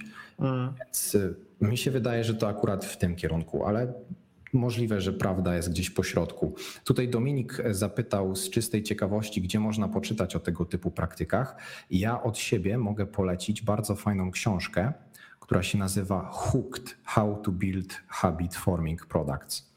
Fajna książka, polecam. Możesz. E, jak to się pisze? Hooked? Hooked E, habit forming. Tak. Taka żółta książka. Właśnie o tworzeniu takich różnych uzależniaczy i też tam jest przedstawionych parę różnych takich technik z Facebooka, e, z LinkedIna, e, po prostu takie trochę case study, dlaczego coś zostało zrobione tak, a nie inaczej i jest to tam wytłumaczone po prostu, że to tam uruchamia jakiś tam, nie wiem, instynkt nagrody w mózgu czy coś takiego i to powoduje, że jest większa szansa, że się ktoś od tego uzależni. Mm. E, mamy od Secretmana informację, że Booking został ukarany za 6, prawie 7, na 7 milionów euro za manipulowanie klientami. Uła. No to to są kokosy już. No, to, to już jest sporo. Yy, od,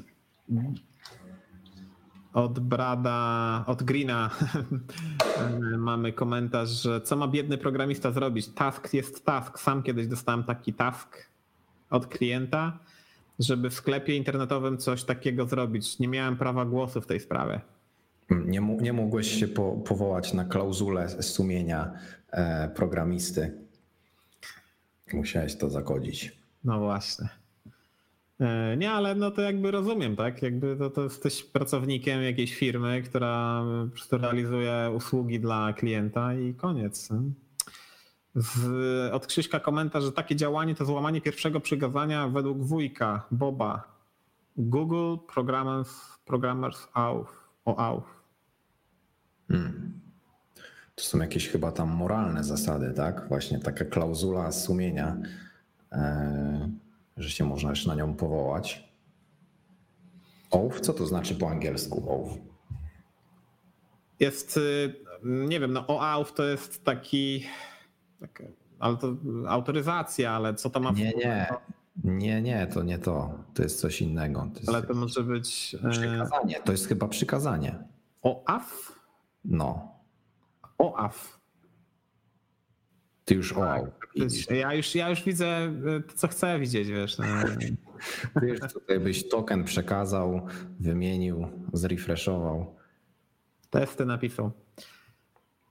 Tak, tak, to jest e, przysięga. No, przetłumaczyłem sobie tutaj na diki. E, Czyli nie przysięga Hipokratesa, tylko wujka Boba. Albo programisty. Programisty. Programer. Polska nazwa. Skuszeni jak tworzyć produkty kształtujące. To jest chyba nazwa.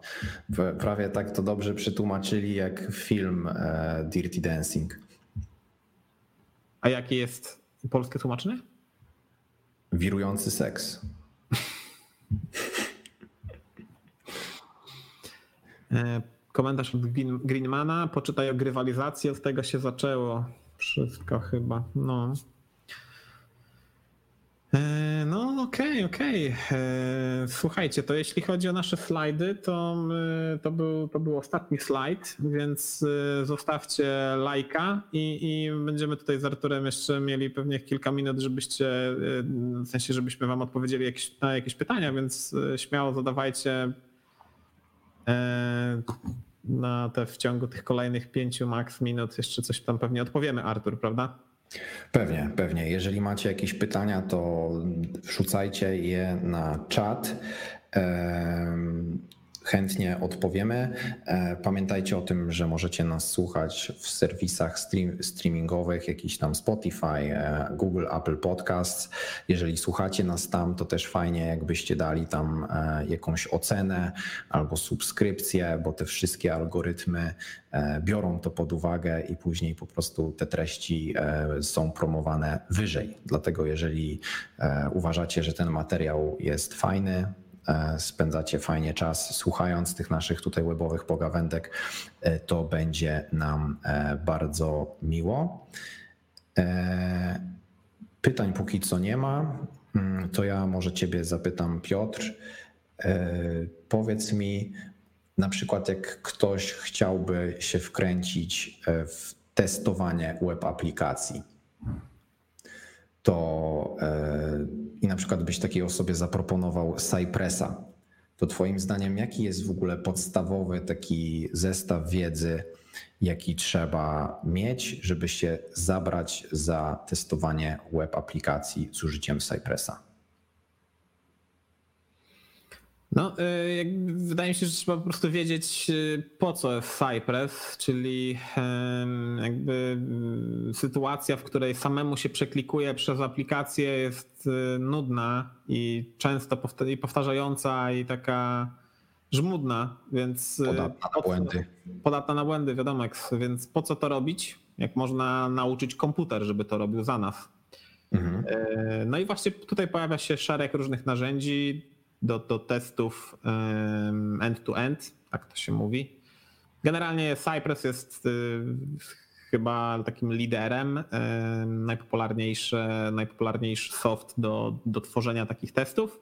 No i w Cypressie możemy zasymulować to, co użytkownik robi, czyli klikania, scrollowania, podglądania e, elementów, tak, żeby zobaczyć, czy ten element istnieje na stronie. No i właśnie to, co samemu robisz testując aplikację, czyli wchodzisz na adres, klikasz w link, scrollujesz, sprawdzasz, czy istnieje ten element.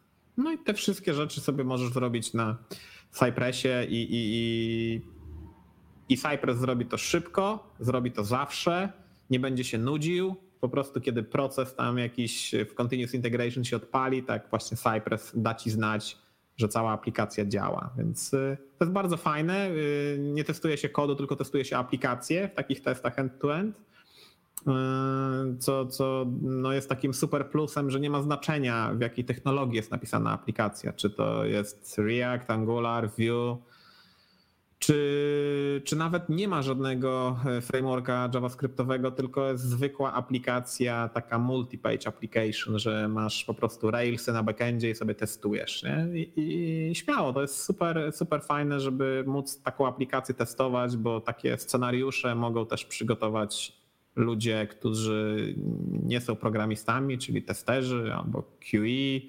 albo czyli tacy testerzy, którzy trochę programują, albo biznes, albo project managerzy właśnie w takim biznesie, no i tak dalej. Ale na przykład zalecałbyś takim osobom, żeby wcześniej ogarniały HTML, jakąś taką znaczniki, e, trochę CSS-a, czy, czy na przykład byś posłał kogoś do Cypressa od razu, jakby ktoś chciał napisać? No na pewno, na pewno HTML i selektory CSS-owe to jest y, coś takiego no, bardzo koniecznego, y, aczkolwiek chyba w Cypressie też można używać XPath'a jako innego środka, środka do tworzenia selektorów, czyli do wyłapywania elementów, tak? No bo jest takie pojęcie selektor, które, które mówi, które wskazuje element bądź też elementy pasujące do tego wzorca, tak? Czyli mówisz, że chcesz wybrać wszystkie linki w kontenerze menu. No to budujesz takiego stringa i to się nazywa ten string, to jest selektor, czyli właśnie taki, taki, taki wskaźnik na elementy. No i takie selektory są w CSS-ach użyte, no wiadomo, do definiowania wyglądu takich elementów, a w testach są użyte do tego, żeby, żeby dobierać się, sprawdzać, czy te elementy istnieją i móc w nie klikać i tak dalej. Więc taka podstawowa wiedza z HTML-a na pewno już nie trzeba być tam masterem accessibility, czy y, RWD, czy, czy semantyki, ale na pewno wiedzieć, co to jest znacznik i jak, jak jest, jakby, jaka jest struktura całego dokumentu HTML. Tak? Zaczyna, zaczyna się od HTML, później jest tam body, po co jest head, jak się do niego dobrać, czy w ogóle można i tak dalej. Mamy pytanie od Kingi um, odnośnie Twojego edytora. Pieciaszka, czy całkiem zrezygnowałeś z pluginów do edytora? Nie używam czystego edytora, tylko kolorowanie, używasz tylko czystego e, edytora, czy tylko kolorowanie składni? Masz jakiś setup, na przykład na GitHubie, od którego zaczynasz projekt? E, jeśli chodzi o pluginy do edytora, to mam ich e, kilka. Nie wiem, nie wiem ile, cztery, pięć, może, może więcej, bo jeszcze są te wszystkie spell checkery. Hmm. No więc, no nie wiem, no teraz patrzę, że ich e, z 8, bo się Prettier ostatnio u mnie pojawił.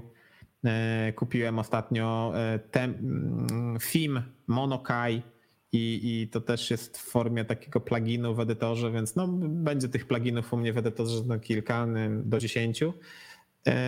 Ale jakby te pluginy nie, nie, wpływają tylko na highlightowanie składni, ale też na jakieś tam inne rzeczy, na podpowiadanie niektórych rzeczy, a też no jakby to często pomaga. Taki, na przykład taki plugin, jaki mam, mm, który często używam, to jest Better Comments, czyli highlightowanie, comment, highlightowanie e, określonych słów w komentarzach. Na przykład, kiedy w komentarzu napiszesz to do, to, to jak wszystkie komentarze masz na jakiś tam szary, zielony, taki szaro, szaro-zielony kolor, no to tutaj te to jest takim e, pomarańczowym, żeby był, jasny, żeby był widoczny taki komentarz to do. Nie? I tak żeby cię denerwował i żebyś to w końcu wstawił. tak, coś w tym stylu. Więc e, nie zrezygnowałem z pluginów, ale jakby nie instaluję żadnych już nowych od, no, od dłuższego czasu. Ostatni plugin to ten właśnie Monokai, którego kupiłem, żeby no też jakby wspieram zawsze, jeśli mogę, mm, a taki plugin y, no, jest używany przeze mnie od dłuższego czasu i jakby stwierdzam, że jest fajny ten szablon, ten theme, ten, te kolorki i tak dalej. Używam też i w terminalu, i w edytorze, więc już taki standard. O. Mhm. Mamy jakieś kolejne komentarze? Od Guarany. Y, tak, jeśli w projekcie za mało angażuje się społeczność, to element grywalizacji jest na pierwszym miejscu. To jeszcze poprzedniego tematu. Co sądzicie na temat wyskakujących okienek, cookies, reklamy, zapis na newsletter? Czy uważacie, że przydałoby się zrobić akcję promującą strony, które są pod tym względem user-friendly? Artur, masz u siebie pop-up jakiś na stronie? Nie. Nie mam pop-upu. Eee ale też nie mam jakiegoś ruchu tam potężnego. Nie wiem, może jakby mnie odwiedzało 30 tysięcy osób i bym dał jakiś pop-up, to na przykład bym miał e, dużą konwersję i na przykład, nie wiem, 20% ludzi by się rejestrowało na newsletter i wtedy na przykład byłbym zadowolony, że rośnie mi jakby ta baza tych, tych osób zainteresowanych. Natomiast jakby sam tego nie lubię, takich wyskakujących okienek, więc jakby nie zdecydowałem się na taki krok. E, chyba też dyskutowaliśmy to w jakimś jednym z ostatnich e, web, webowych pogawędek, że najbardziej mnie wkurza ten skrypt, który wykrywa, że chcesz zamknąć stronę. Że jak podjeżdżasz myszką do góry, w rejon, gdzie chcesz zamknąć stronę myszką, to wtedy ten skrypt jeszcze ci tam powie, a może się zapiszesz, może kupisz, może coś tam ten. Jest to mega dla mnie denerwujące. I jakby mm, nie lubię tego. Mam, używam Brave'a, więc większość takich rzeczy w ogóle mi się nigdy nie pojawia. E, natomiast w ogóle moim zdaniem, no to największy problem, jaki powstał, no to ten durny e, przepis o tym RODO i GDPR, e, który zmusił ludzi do umieszczania tych głupich komunikatów o cookisie, tak? Bo przecież jakby moim zdaniem w kwestii takiego typowego, nie chcę powiedzieć Kowalskiego, bo to w przypadku... Nie, nie, nie obrażam się typowego Nowaka, e, to i tak to przed niczym nie chroni i jak komuś tam mają pociec dane albo jak ci mają e, coś wyświetlić, sprzedać e, albo nie wiem, wysłać komuś, to i tak to zrobią, ale przez to internet wygląda koszmarnie, bo masz po prostu te wszystkie jakieś tam polityki prywatności, zgody latające i tak dalej. I moim zdaniem to poszło w kompletnie złym kierunku. I ja bym najchętniej, nie wiem, albo po prostu stwierdził, że każdy se może to blokować po swojej stronie. Jak komuś to przeszkadza, to niech se to nawet domyślnie wyłączy w przeglądarce, albo wręcz e, nawet nałożyć jakąś karę. E, nie wiem, pewnie najskuteczniejsza by była kara od Google'a, że na przykład jeżeli masz takie wyskakujące główna, to jesteś niżej w rankingu, nie? No to prawda, to prawda. Mm, no ja też nie mam takich okienek u siebie i y, bardzo ich nie lubię. I często jest tak, że wchodzę na stronę i, i widzę raz na górze, z boku, na dole jedno i na środku cztery różne y, powiadomienia. Często jest tak, że po prostu zamykam i dopiero i czuję taką ulgę, że uff, wreszcie mam już dostęp do treści, nie? że wreszcie mogę zacząć to czytać, co, co chciałem przeczytać. Kurczę, po prostu no świat oszalał, świat oszalał. E, Cypress przetestuje jedynie aplikacje w przeglądarkach zbudowanych na V8.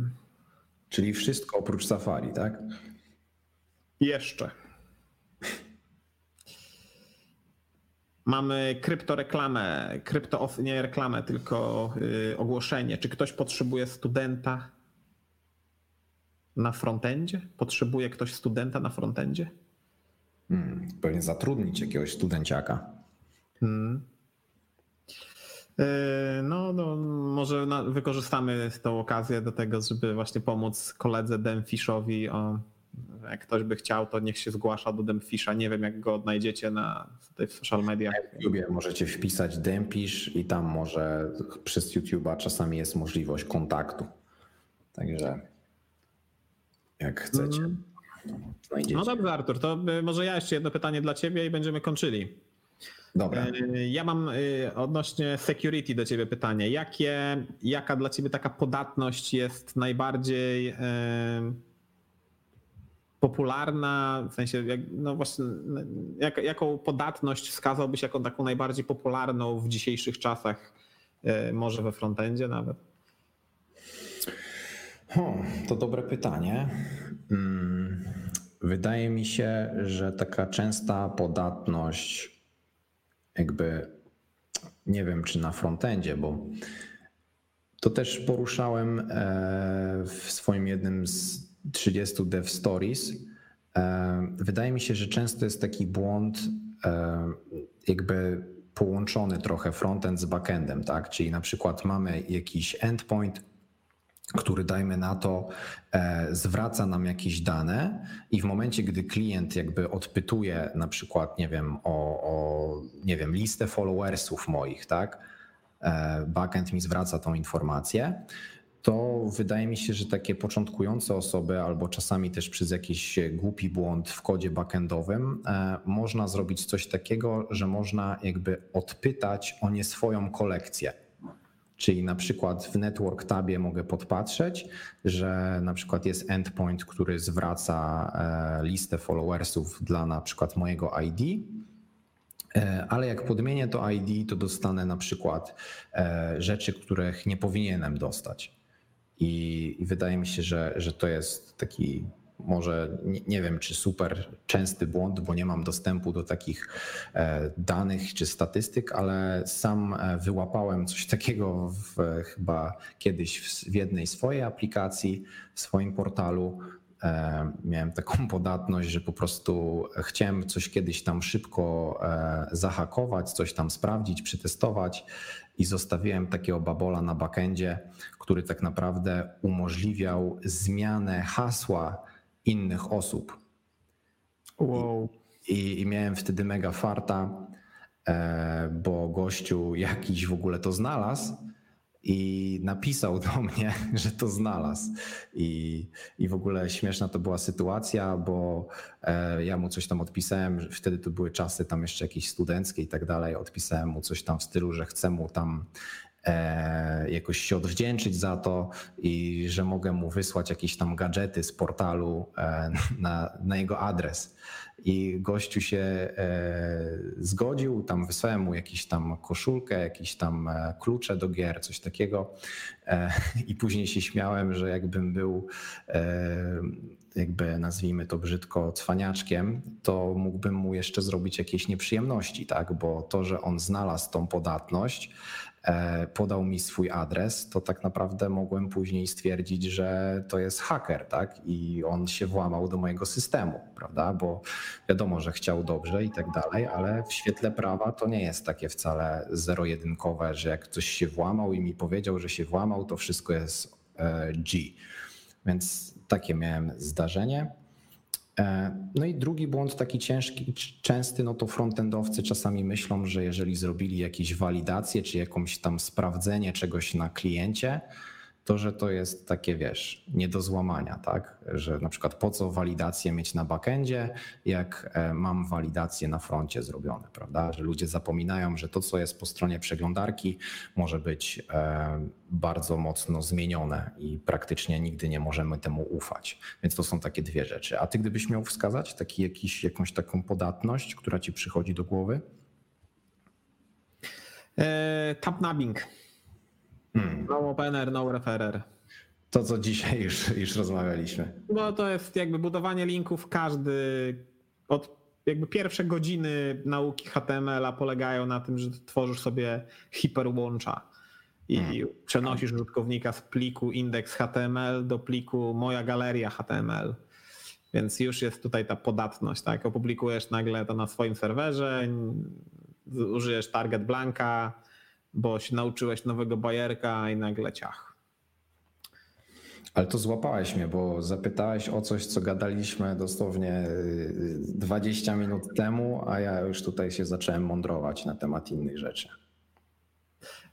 No, jakby takim przyjemnym akcentem chciałem po prostu zakończyć, żebyśmy y, żebyśmy sobie mogli e, spokojnie właśnie zakończyć to naszą, nasze rozważania dzisiejsze webowych pogawędek. Mamy jeszcze tutaj komentarz rzutem na taśmę mm, od Michała, że brak autoryzacji podczas dostępu do zasobu, częsty błąd przy fakturach online, które można enumerować. To, to jest właśnie to, co Artur tutaj mhm. opisał bardzo fajnie, jasne. E, od Secretmana, że wyświetlanie errorów z bazy danych na produkcji. Mhm. Albo jakiejś wersji na przykład, że wykrzaczył się tam Laravel w wersji tam 14.3. No okej, okay. Secretman powiedział GG. No to w takim razie y, game... Good game. Good game. Znowu zapomniałem. E, Artur, dzięki za, za, za, fajną rozmowę, mm, jak zwykle. Mm, bardzo fajnie nam się rozmawiało. Dzięki widzowie, że byliście z nami, dzięki słuchacze, że nas słuchaliście. No i mm, obserwujcie nas w social mediach, subskrybujcie artykuł, e, newsletter e, Artura, regularne regularne maile bez jakiegoś spamu i tak dalej. Ja tego spamu nigdy nie lubię, zawsze się odsubskrybuję, odsubskrybowuję, czy tam jakby usuwam te newslettery po kolei Kiedyś y, po prostu człowiek myślał, że o, będzie fajny, tutaj fajna firma, fajne rzeczy robią, zapiszesz się na ich newsletter, później takie gówno przychodzi, a Artur naprawdę wysyła fajne linki, takie mega konkretne, bez jakiejś tam szmiry. Dziękuję, dziękuję. Zachęcamy też oczywiście do, do e, śledzenia Piotra, e, lajkowania i tak dalej, bo też będą od nas, myślę, w nadchodzących tygodniach jakieś inne materiały na naszych socialach, więc e, śledźcie tu. W takim razie hmm, chyba dobrej nocy nam już pozostaje życzyć. Nie? Późno jest, więc e, co, do zobaczenia Artur na kolejnych łobowych pogawędkach. Dokładnie, dokładnie. Trzymajcie się, cześć. Piąteczka.